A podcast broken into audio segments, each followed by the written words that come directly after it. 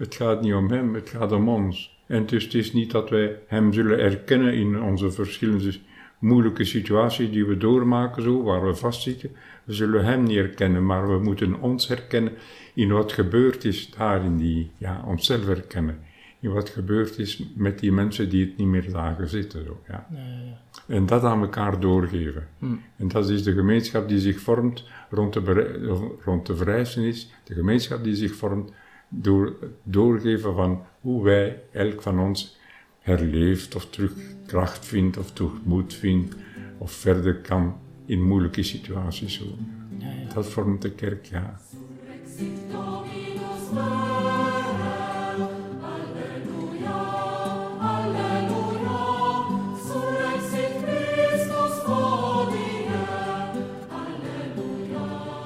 Leuk dat je luistert. Dit is Gesprekken, een podcast van Bidden Onderweg. Journalist Rick Timmermans gaat met zijn gasten in gesprek over christelijke spiritualiteit en over thema's die voorbij komen in de podcast-meditaties van Bidden Onderweg.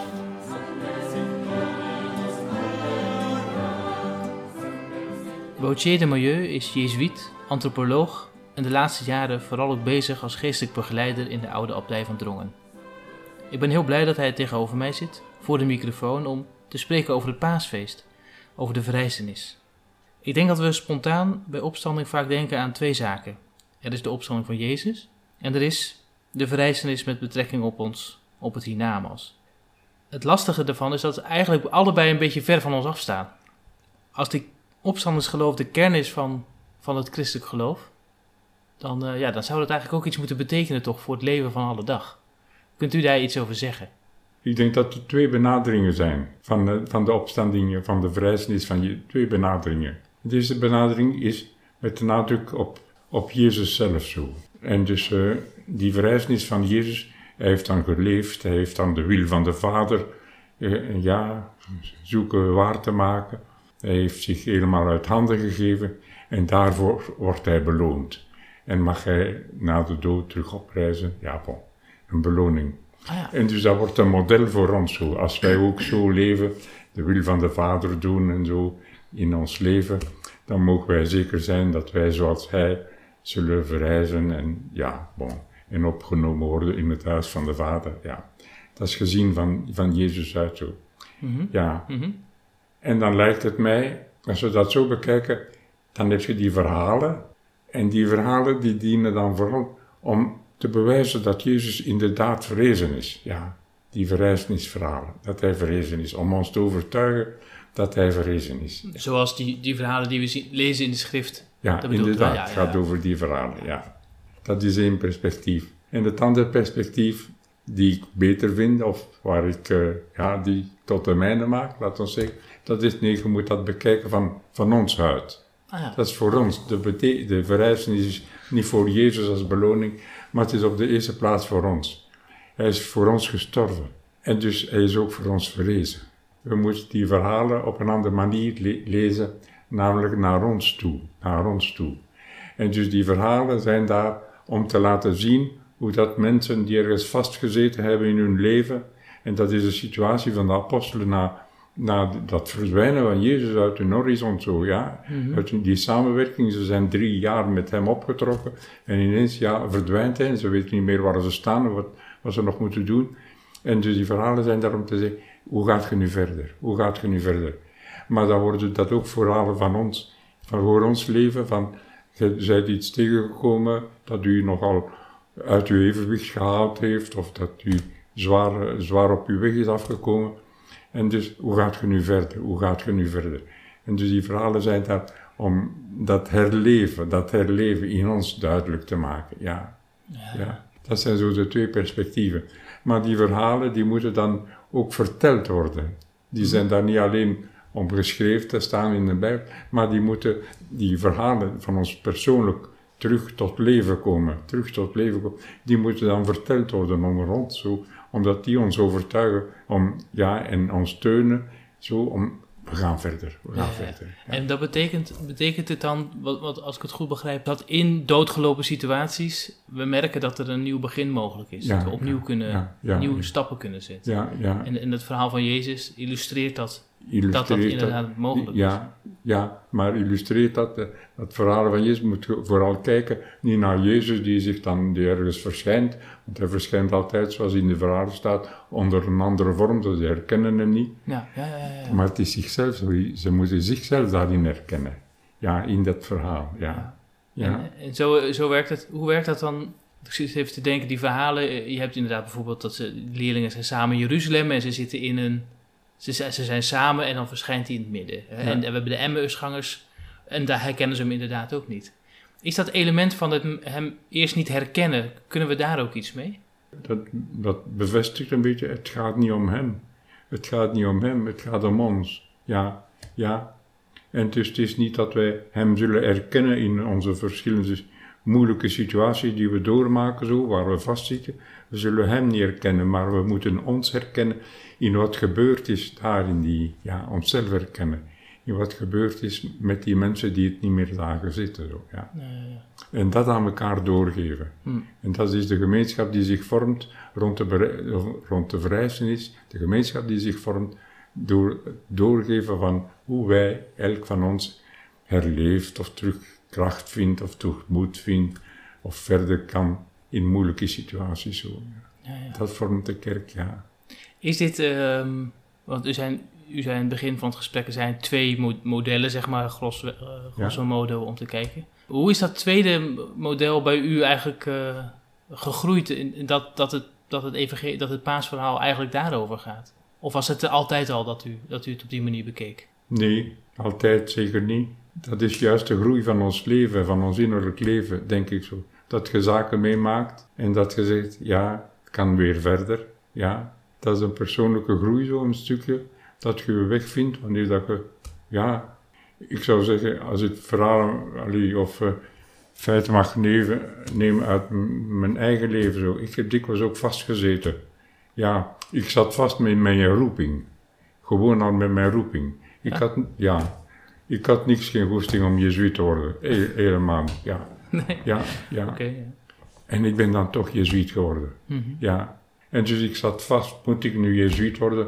Dat waren de jezuïeten. Ik ben opgegroeid in als, als jongen in een jezuïetencollege. Gezag dan die jezuïeten, die pater, bezig zijn met hun grote togen. Ik weet. Ja, dat sprak me echt niet aan. Ik dacht, dat is het niet. Mhm. Maar ik voelde dat er geen andere weg was voor mij om, om wat ik van binnen beleefde verder te beleven. Zo. En dus ik ben daar kunnen overheen stappen, ik weet niet. Ja, en, en dan heb ik achteraf gezien, ah ja, dat was de goede weg. Ja, daar overheen stappen. Als ik teruggekomen ben uit Congo was hetzelfde. Ik deed in Congo mijn werk als antropoloog, dat was goed, dat was heel, oh ja, bon, dat wordt geapprecieerd zo. En ineens voelt je, ja, wat mij van, die, van binnen het sterkst beweegt, onze roeping, onze roeping vanuit het evangelie, kan ik dat hier nog beleven zo, als vreemdeling in een andere cultuur. En ik voelde dat het een beetje vast zat. En dus, ja, daar ook vroeg ik me af, moet ik nu teruggaan naar Europa of moet ik hier nog blijven? Ik heb daar veel en pijnlijk mee geworsteld zo. En je denkt dan in alle eenvoud en ja, kwetsbaar en, en open, zoekt je weg. En dat laat God ons altijd doen, onze, onze weg zoeken, zo persoonlijk. En ik ben dan teruggekomen en achteraf ziet je, dat was de weg. Dat was de weg dat mij geholpen heeft om over die worsteling of weet niet wat, overheen te geraken. Maar ja, de worsteling doet je dan toch mee. Mhm. Maar achteraf ziet je, ja, En, Maar- en achteraf ziet u dan ook dat, eh, om het even zo te, in het kader van, het, van dit verhaal te plaatsen, eh, dan zijn paaservaringen. dat is een paaservaring dat het goed zit, ja. Dat het Ah. goed zit en dat ik verder kan met mijn leven, ja. Ja, ja. Ja, En dan is er gaandeweg, ja, u blijft leven met die verhalen uit de, uit de schrift. ja, En dan denkt u daarover na en, en, Ja. enzovoorts. En dan langzaamaan ontstaat een, een soort andere bril om naar die verhalen te kijken. inderdaad. Ik word bijvoorbeeld geraakt door wat er in einde van Marcus verteld wordt. Ja, de leerlingen hadden het moeilijk om zich te laten, persoonlijk te laten overtuigen dat Jezus verrezen was. Marcus citeert dan een aantal feiten, zou ik zeggen, die gebeurd zijn. De mensen kwamen zeggen, ja, we hebben hem gezien, maar de apostelen, dat is beuzelpraten, die geloofden daar niet. En dus verschillende keren wordt dat herhaald, ze geloofden dat niet, ze geloofden niet.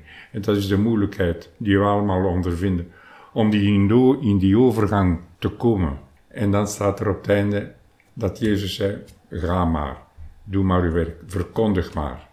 Verkondig maar, ook als je het moeilijk hebt om, om daar voor jezelf in te komen, verkondig maar. Maar daar waren de begeleidende, dat staat zo mooi, de begeleidende tekenen. Ga maar verkondigen en er zullen begeleidende tekenen. En dat is, dat is weer de hand van God die in ons werk ja, binnenkomt. Ja, ik weet niet hoe. Maar begeleidende tekenen. Je doet iets, je zegt iets en je ziet, oh ja, zo moest het zijn. Dat pakt, om het zo te zeggen, misschien een mooi woord. Dat pakt bij de mensen, ja. En dus dat zal u overtuigen dat wat je doet juist is. En dat zijn die begeleidende tekenen. Dat is de werking, de werking van de verrijzenis van Jezus in, in, in ons eigen bezig zijn zo. Ja, en de bevestiging van, zit goed, zit goed, zit goed. Ja, doe maar verder, ja. En dat maakt natuurlijk, dat kunt u misschien beter aangeven, eh, die twee eh, zienswijzen van eh, het verstaan van dat verrijzenisverhaal. Wat maakt het voor verschil concreet in het leven van alle dag? Ik bedoel, het eerste verhaal, Jezus is als beloning opgestaan en, en wij zullen ook Ja. eh, opstaan. Dat geeft toch eigenlijk ook veel perspectief. Wetend dat, het, dat ons eigen leven niet voorbij zal zijn, maar door zal gaan, zet ons nu ook al in actie om, ja, om in grote vrijheid eigenlijk te kunnen leven, toch? Dat is juist. Ja, dat is juist. Maar ik zou bijna zeggen, het is het tweede perspectief dat het eerste mogelijk maakt. Het tweede perspectief van te voelen, ik herleef, ik herleef. Het gaat weer, ik kan weer verder. Dat is dat tweede perspectief dat mij bevestigt. En dat zal zo duren tot het einde en tot ook na uw dood mocht je rekenen op dat tweede perspectief. En dat je zult dan ook eh, ja, ergens komen waar het goed is. Ja. Dat is de liefde van God die zich zal uitwerken naar ons toe. Hoe dat, dat eh, houdt me niet veel bezig. Ja. Nou ja, nee, snap ik. Kan ook een beetje klinken als iets heel individueels, hè? Eh, Ja, ik ga mijn weg. En, en er is ook, zoals u zelf ook aangaf, de worsteling die je in jezelf eh, soms ervaart. En, en ook merkt, er is een, is een doorgang. Maar ja, ik, ik begrijp het christelijk verhaal toch vooral iets als iets wat je als gemeenschap doet. Ja. Hoe is dat, wat, wat zegt dat verrijzenisgeloof of dat verrijzenisverhaal over, over gemeenschapsstructuren? Eh, Ja. Is daar ook nieuw, dat er nieuw leven mogelijk is? Ja, inderdaad. Maar ik denk dat is het doorgeven en het vertellen aan elkaar. Een verhaal is, is gemaakt of bestaat om, om verteld te worden. En dus wat je zelf meemaakt, dat, ofwel houdt je dat voor u, en tot een, zekere, tot een zeker punt zou ik zeggen, is dat goed. We moeten niet uitpakken met alles wat we in ons leven hebben tegengekomen, maar we moeten toch kunnen vertellen wat we en ergens meegeven. En dat vind je ook zo sterk in de handelingen van de apostelen. Hoe dat de apostelen werkten. Ja, ze gingen uit. Ja, ze beleefden elk iets. Ja, op elk zijn manier. Dan komen ze terug samen, dan vertellen ze het aan elkaar. En dan, ja, dan vertellen ze aan elkaar. En dan krijg dat staat zo in de teksten, ja, dan, krijgen ze zo'n bevestiging dat het huis begint, weet je wat, zo te doen, te daveren. Of een, een ervaring van, van bevestiging van bovenuit. En dan kunnen ze weer verder. Dan kunnen ze weer verder. Ze gaan weer uit elkaar. Elk naar zijn eigen werk, ja. Hm. Maar het is vaak in onze, in onze structuren en samenleving en ook in de kerk dat, dat het eerder voor ons- gevoel allemaal stilstaat of achteruit gaat. Eh, Er zijn nu zoveel, eh, ja, zoveel is- moeilijkheden aan de gang op alle terreinen. Dat en dat is des mensen, dat is altijd zo natuurlijk. Ja, ja, ja. Ja, is daar ook die kiem, is die kiem van de verrijzenis dan dat we blijven delen om te zeggen van het gaat goed en ook te geloven van, ja maar er is, er is een perspectief? Ik denk het, ja, maar ik denk dat dat misschien dan toch maar een kleine groep is die in dat perspectief kan en durft en uitgenodigd wordt misschien of de genade krijgt. Ik weet het ook niet. De genade zal misschien ruimer zijn dan de beantwoordingen op de genade Mhm, van de mensen. mhm. Maar het is maar die kleine groep zo, die het moet waarmaken, die het moet doorgeven, ja, proberen door te geven. Maar het is zeker zo dat de, de levenservaringen die wij nu opdoen, zo, wat wij allemaal zien gebeuren rondom ons, niet altijd zo positief om in, die verrijzenis, in dat verrijzenisperspectief te blijven leven. Ja, Nou, het, is, het is meer Goede Vrijdag vaak dan, dan Pasen misschien. inderdaad. Ja, ja, ja. En die stap is ook moeilijk, denk ik. Tenminste, ik, ik merk het ieder jaar in de Goede Week. Pasen komt dan toch ineens heel abrupt. Het, komt het is het dan. Je, zit zo in die dynamiek van die, van die Leidersweek en, en daar leef je ook lang naartoe. Het kost tijd of zo om, eh, om je open te stellen voor, eh, voor het paasverhaal. Dat is zeker zo, dat is zeker zo. Dat is voor mij ook zo, ik ben overtuigd, of overtuigd. Ik denk wel dat het mysterie van de verrijzenis, als ik kijk naar die geestelijke oefening van Ignatius bijvoorbeeld, de vierde week, en dat is het thema van de vierde week, ik denk dat dat de moeilijkste week is om, om aan te brengen, ja, inderdaad. Wij zitten gemakkelijker is in de Goede Vrijdagstemming, en daar vinden we ons misschien meer in, Ja, ja, dan in die verrijzenisstemming. ja. En vandaar weer, maar dat was gelijk de apostelen, ze geloofden, ze hoorden, maar ze geloofden het niet. Ze zeiden, het is niet waar, dat beuze praat, ja. Ja, ze hadden ook heel veel last om erin te komen, ja. ja. Hm. Maar het lukt ze dan toch wel. Het lukt wel. Het lukt wel, ja, inderdaad. Maar er is wel moed voor nodig. Ik weet niet, daar is een zekere ingesteldheid voor nodig, ja. Wat Ja. bedoelt u daarmee? Ingesteldheid? Dat je door je omgaan met mensen, dat ze voelen dat er iets is dat in u leeft, dat niet, niet altijd kan uitgezegd worden of zomaar uit de doeken gedaan wordt, maar dat er iets is in u leeft, zo, die, ja, uw vriendelijkheid, uw tegemoetkomendheid aan mensen toe, die dat draagt zo. En dat er ergens een dieper hoop is of een dieper, ja, een ander inzicht in, in het, hoe het leven zich afloopt. Zo. Ja, mensen voelen dat. En daar geeft u denk ik iets mee door. Al is dat niet altijd in woorden of, of expliciet uitgedrukt zo, ja. Hm. ja. En eh, u noemde het zelf al even, dus eh, kan ik daar denk ik wel op doorgaan. Eh, de vierde week van de oefeningen. Even voor, ja, voor de luisteraar misschien. Ja, dus, dus het is een gebedstraject van Ignatius. Dat is eigenlijk 30 dagen. Eh, dat bestaat dan uit vier weken. Ieder, iedere week heeft eigenlijk een soort ander karakter waarin je optrekt met Jezus. Ja, Ja. En de derde week is dan de Lijdensweek. En de vierde week is dan ja, de, de verrijzenis. Maar die eindigt, die eindigt denk ik, met de beschouwing om tot liefde te komen. inderdaad. Ja, ja die plaatst in Ignatius, neem ik aan, heel nadrukkelijk in die vierde week, omdat het ook met Pasen te maken heeft. Hè? Inderdaad. Dat lijkt me nog wel een mooi perspectief om even in te brengen, die beschouwing om tot liefde te komen. Want het gaat uiteindelijk om, om, ja, om Ja. tot meer liefde te komen. Ja, inderdaad. Dat zal juist het vlak zijn of zo waar het, waarop die getuigenis het meest gegeven wordt, ja. Als je van, lie- van liefde tot liefde komt, in gevoeligheid voor liefde, voor gevoeligheid voor de liefde van andere mensen. En dus als we daar, van daaruit zo, ik weet wat, in onze omgeving iets opbouwen, ja. Want u noemde dat eigenlijk ook een paar keer, dat het heel belangrijk is om erover te spreken met elkaar. Ja, Maar we hebben vaak misschien ook een beetje schrik of angst, omdat het zoiets intiems ook kan zijn, wat van, Ja, van inderdaad. binnen leeft. inderdaad. Maar het is wel heel belangrijk, Ja, om, ja, om ook elkaar te vinden daarin. toch? ja, Ja. Zouden we dat meer moeten doen eigenlijk? dat denk ik wel, ja, dat denk ik wel. We zijn zo, ja, dat is misschien een beetje onze, onze Vlaamse hart. Ik weet niet hoe dat, dat eh, ja, ik ken niet genoeg. Ik ken de Nederlanders niet genoeg. Maar we zijn zo een beetje terug op onszelf zo, ja. En pro- en probeert u dat zelf te doen, te delen van wat er, wat er van binnen bij u leeft? Of wat, wat merkt u als u dat doet? Ik zie wel dat ik het verlangen heb om dat te kunnen doen.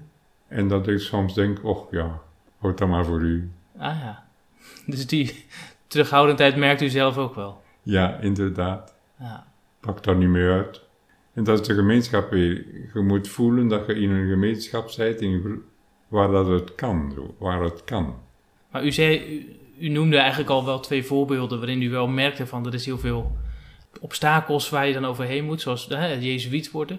Ja, Zijn dat bijvoorbeeld dingen waar u over, eh, ja, over getuigt of over, over praat? Van, Oh van ja, wat er dan, ja, ja. innerlijk gebeurt? ja, ja. Ja. Dat doe ik regelmatig, dat ze mij vragen voor een beetje te vertellen over mijn leven. Ja, Ja, en dan, dan kan ik dat zeggen. En ik zie dat dat wel, wat moet je zeggen, aanslaat of dat Hm. het de mensen wel raakt. Ja, ja. ja. Ja. En wat, wat, want u zei, eh, er zat in mij iets wat eigenlijk alles duidde erop dat ik jezuïet, ja, dat dat goed bij mij paste.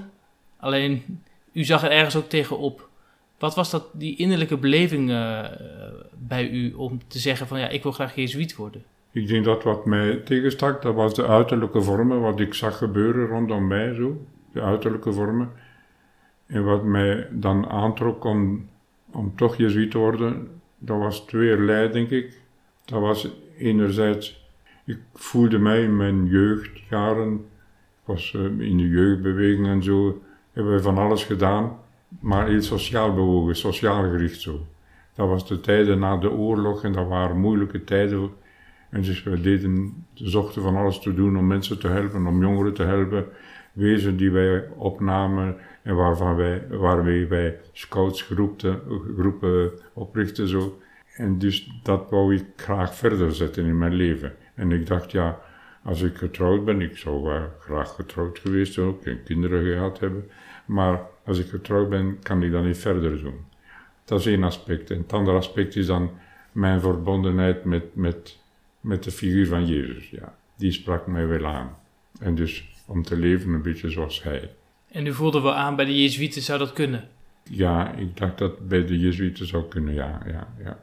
Maar u moest er even daardoorheen kunnen prikken. ja. Tegen, door, eh, door hun vormen en... eh, even door en, en serieus doorheen. Want als ik hier in noviciaat was, ik had een kozijn die was ook jezuïet zo. En die was mij komen bezoeken hier in Drongen. Ik heb zeker niet geklaagd of ik weet niet wat, wat hij aan mij gezien had. ja. Maar hij ging dan, dan daarna naar, naar mijn ouders en hij zei, ja, ja, je moet niet verschieten, maar die komt terug. Die kan het daar niet houden. En dus ik moest dan wel de indruk geven, ik weet niet hoe dat hij tot die conclusie kwam, maar dat het moeilijk ging zo. En dus dat heeft, ja, dat is inderdaad moeilijk gegaan. Maar ik Maar ben, u bent er altijd gebleven. Ja, en ik ben zo dankbaar. Ik- Zo dankbaar, ongelooflijk dankbaar. Ik heb altijd het vertrouwen gekregen, ik weet niet hoe en waarom, het vertrouwen gekregen van mijn overste. zo.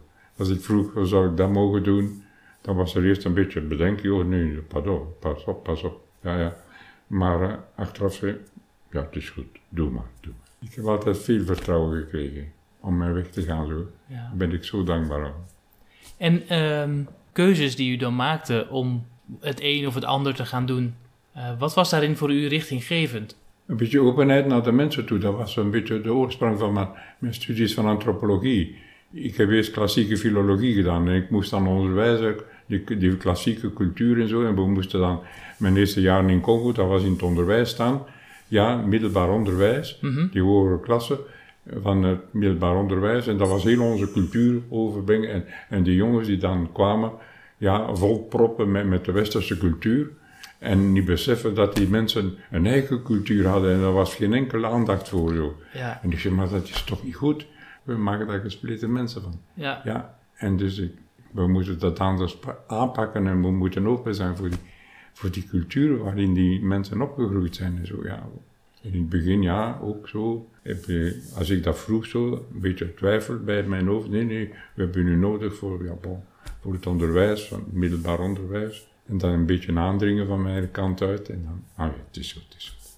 En, en u wilde dus die antropologie studeren om de cultuur in Congo Ja, beter te begrijpen. ja, Om het onderwijs meer te laten aansluiten ja, inderdaad. ja, en om, hun een- personen. En om een beetje rekening te houden met, met die cultuur en met de mensen met wie wij te doen hadden. Ja. Ja. Niet alleen maar om onze cultuur daar als een pakket daar te komen inplanten. Is dat gelukt? Ik denk het voor een stuk, ja. Bon, Ja. ja. Dus, dus de openheid voor, voor de mensen. En dan ook gewoon een vertrouwen op, ja, op uw eigen eh, analyse en inzicht van het, en aanvoelen van dit is, niet, dit is niet goed, hier moeten we, dit moeten we anders doen. ja. Dat is daarin belangrijk Ja. geweest. Ja, en en eh, zoals u net zei, die figuur van Jezus was voor mij heel belangrijk in mijn, in mijn kinderjaren. Hoe is die hierin, in dit soort keuzes, belangrijk? Ik weet niet of je dat dan zo met, met argumenten of zo, of met aansluitende redeneringen van oorzaak en gevolg of zo, ja. Je voelt dat, die niet, je voelt dat, ja, daar zijn mensen en die leven naast ons, die Afrikanen, die leefden naast ons. We hadden van die colleges, maar dat waren, post, dat waren koloniale colleges, gesticht als koloniale colleges. En zelfs in de, in, in de periode na de onafhankelijkheid van Congo bleef dat nog zo'n koloniale stemming. En ik zei, dat gaat niet, dat gaat niet, dat vriend, ja. Het was gewoon een, het eigen geweten, het eigen ja. oordelen. En dan vragen om het anders te doen en dan een beetje tegen, tegenwerking niet. Het is geen tegenwerking, maar bedenkingen die ik dan kreeg van, van de overste die nog ja, in, in dat postkoloniaal denken of ja, zaten, of ik weet wat, of die postkoloniaal organi die organisatie zaten. En momenteel in de oude abdij is het natuurlijk heel anders. Hè, de, de, de omgeving en uw werk. Ja. Maar u bent natuurlijk nog steeds wel antropoloog ook. Dus ik neem aan dat die, die manier van kijken naar de cultuur, die neemt u wel, wel mee. Die manier van kijken neem ik sterk, maar denk ik toch. Ja, sterk mee. Ja. En ik kan die ook doorgeven. En ik zie dat, dat het voor veel mensen die ik hier ontvang, dat dat precies een bevrijdend effect heeft. Ja. Kunt u daar iets over vertellen? Wat, wat voor soort bevrijding is dat? Wat dat van in te zien dat dat zijn zo verschillende denksystemen. En dat de volkeren verschillen van uit elkaar en mensen verschillen vanuit hun denksystemen. En in, in onze tijden zijn we daar een beetje bewust van geworden. Ja, dat de denksystemen van Afrikanen en denksystemen van Aziaten en denksystemen van de West-Europeanen, dat dat zo naast elkaar ligt en uit elkaar ligt. En dat het geen zin heeft van ons vast te klampen aan ons westers denksysteem, ook met de dogma's en zo, wat de, wat de kerk, dat is ook allemaal opgenomen in, in, in, een, in een westers denken, zo, in de westers geschiedenis van, van, van filosofisch denken en zo, ja. En dat we daar ook vrij moeten zijn, vrij, ja, om ons eigen denksysteem een beetje, ja, zo zeg te bekijken vanuit een zekere relativiteit van wat alles, wat alles heeft. Zo, ja. Ah, ja. Ja. En hoe merkt u concreet dat dat dan voor mensen helpt? Omdat ze hier komen met problemen en dan gaan ze precies, ja, met een, weet je wat zo, een opluchting gaan ze dan terug naar huis, ja. Ah ja, omdat u dan, omdat u met hen kunt kijken naar het denksysteem wat, wat ze en eigenlijk dat niet ze dan vooruit vragen om hebben. terug te komen, om daar verder op in te gaan en zo, ja, wel. Ah ja, Ja, dat zijn, dus eigenlijk, dat zijn eigenlijk ook verrijzenismomenten. dat zijn ook verrijzenismomenten voor die, ja, voor die mensen en ook voor mij, ja. Dat ik zie, oh ja, dat moest ik zeggen. En de, de woorden of de gedachten komen zo, worden mij dikwijls gegeven vanuit, ja, mensen komen naar hier en, en met hun probleem, ik weet ook niet wat ik zal zeggen, dan begin ik maar een of ander te, ja, te zeggen dat ik denk of wat in mij opkomt. En eh, ja, ik zie dat het goed is.